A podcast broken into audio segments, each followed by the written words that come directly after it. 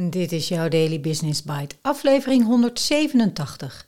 Hoe kies je een te gekke naam voor je vergaderruimte? Door Egan van Doorn op origineelvergaderen.nl. Vergaderlocaties die vandaag de dag op willen vallen, hebben meer nodig dan alleen een originele plek of een bijzonder gebouw. Wat veel ondernemers binnen deze branche nog niet weten, is dat de naam van een vergaderruimte ook erg belangrijk is om potentiële klanten te kunnen scoren.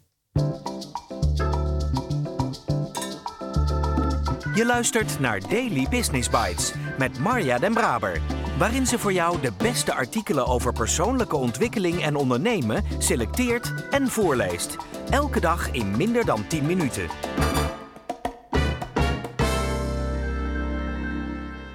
Bij het opzetten en organiseren van een vergaderlocatie wordt het benoemen van bepaalde ruimtes vaak overgelaten aan office managers of facility managers.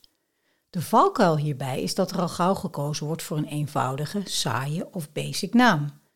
Dergelijke managers hebben immers wel wat meer en vooral beters te doen dan het verzinnen van namen voor vergaderruimtes.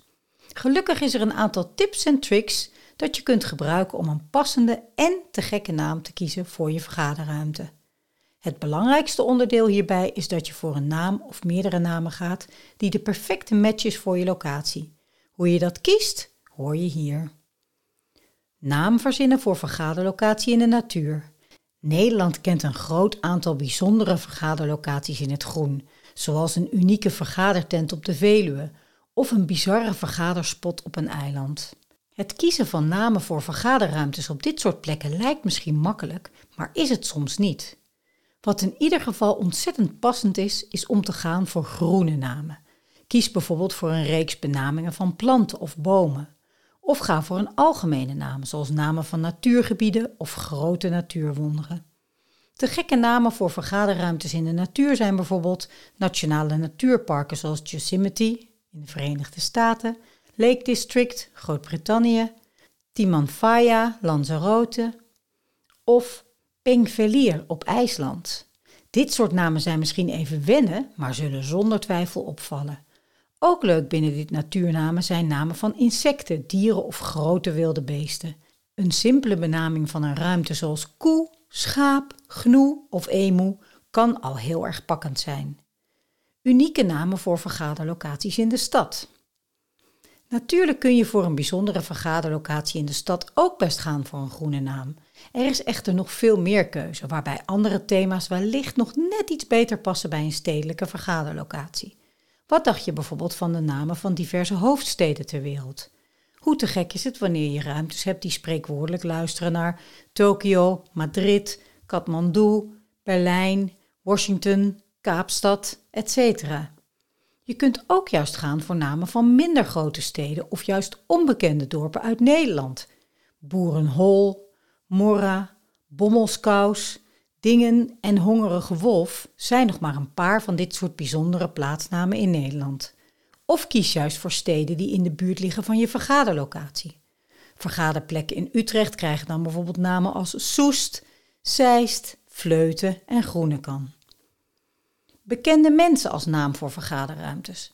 Hoe leuk het ook is om een naam te kiezen die goed past bij de vergaderlocatie, dit moet natuurlijk niet. Er zijn namelijk zoveel te gekke benamingen voor vergaderruimtes te vinden dat je het ook totaal ergens anders kunt zoeken. Wat daarnaast heel goed werkt bij dergelijke benamingen zijn de namen van bekende mensen. Ook hiermee kun je alle kanten op. Kies bijvoorbeeld voor namen van oude sterren zoals Marilyn Monroe, Elvis Presley of Brigitte Bardot. Ook namen van oude wetenschappers en geleerden passen goed in dit rijtje. Denk hierbij aan Marie Curie, Alexander Bell, Albert Einstein of Thomas Edison. Dit soort namen passen goed bij vergaderlocaties die klassiek en stijlvol zijn ingericht. De meer modernere vergaderruimtes verdienen een hippere naam.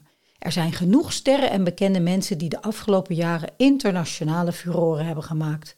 Hoe tof is het bijvoorbeeld om een vergaderruimte te vernoemen naar Madonna, of misschien naar de King of Pop, Michael Jackson. Of ga juist voor namen van sterren die momenteel hip zijn, zoals Kanye West, Nicki Minaj, Kendrick Lamar, Kate Perry of Ariana Grande. Dit soort namen passen heel goed bij hippe stedelijke locaties met een moderne inrichting, zoals een oude fabrieksloods in Amsterdam. Tips voor het kiezen van een originele naam voor je vergaderruimte. Weet je na het aantal gegeven voorbeelden nog steeds niet goed voor welke namen je moet gaan? Geen zorgen. Met de volgende tips wordt het kiezen van een passende en originele naam iets eenvoudiger. Ga niet alleen aan de slag met het bedenken van een naam. Betrek het hele bedrijf erbij. Laat iedereen een thema en eventueel een lijstje met namen inleveren. Op basis van de input worden er gezamenlijke keuzes gemaakt. Het leuke hiervan is dat je uiteindelijk door democratisch te stemmen namen hebt voor de vergaderruimtes. Iedereen heeft dus iets mogen en kunnen zeggen wat de team spirit versterkt. Bedenk één vast thema. Natuurlijk kun je gaan voor losse benamingen, maar dat maakt het kiezen van die namen ook wat moeilijker. Denk dus goed na over welk thema bij de vergaderlocatie past en verzin vervolgens pas namen binnen dat thema. Kies voor een thema en naam waar iedereen zich fijn bij voelt. Je krijgt als het goed is een groot en divers publiek over de vloer waarbij je niemand wilt kwetsen. Laat je creativiteit de vrije loop gaan. Alles mag en alles kan, zolang je maar rekening houdt met het publiek. Creatief omgaan met dit soort taken betekent dat je ook kunt kiezen voor een creatief thema. Denk aan verschillende soorten lettertypes, namen van bordspellen, diverse soorten kleuren en meer. Daily Business Bites met Marja Den Braber. Je luisterde naar Hoe kies je een te gekke naam voor je vergaderruimte door Egan van Doren.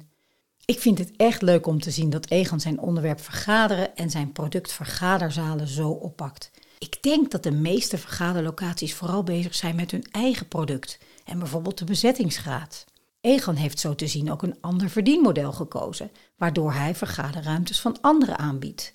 En dan wel graag uniek of met een wow-factor. Maar het feit dat hij het onderwerp vergaderen zelf ook pakt en daar al meer dan 70 blogs van op zijn site heeft staan, is inspirerend. Wist je bijvoorbeeld dat het kantoor van Google in New York bijna een hele wijk beslaat? En dat de gangen zijn gedecoreerd als subway en conferentiekamers zijn volgespoten met graffiti art? Of ken je de wetenschappelijke benadering van een vergaderruimte? En of Fleuten of Tokio nou echt een te gekke naam is, dat weet ik nog niet zo zeker. Die blazen mij nog niet helemaal van de sokken, om het maar zo te zeggen. Maar met de tips kun je wellicht toch aan de gang als je net een vergaderruimte een naam hebt te geven. Of een vergaderplek, een werkplek of een projectplek binnen je bedrijf. Ik spreek je graag morgen weer.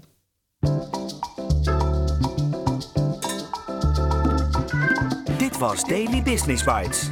Wil je vaker voorgelezen worden? Abonneer je dan op de podcast in je favoriete podcast-app. Meer weten? Klik op de links in de show notes.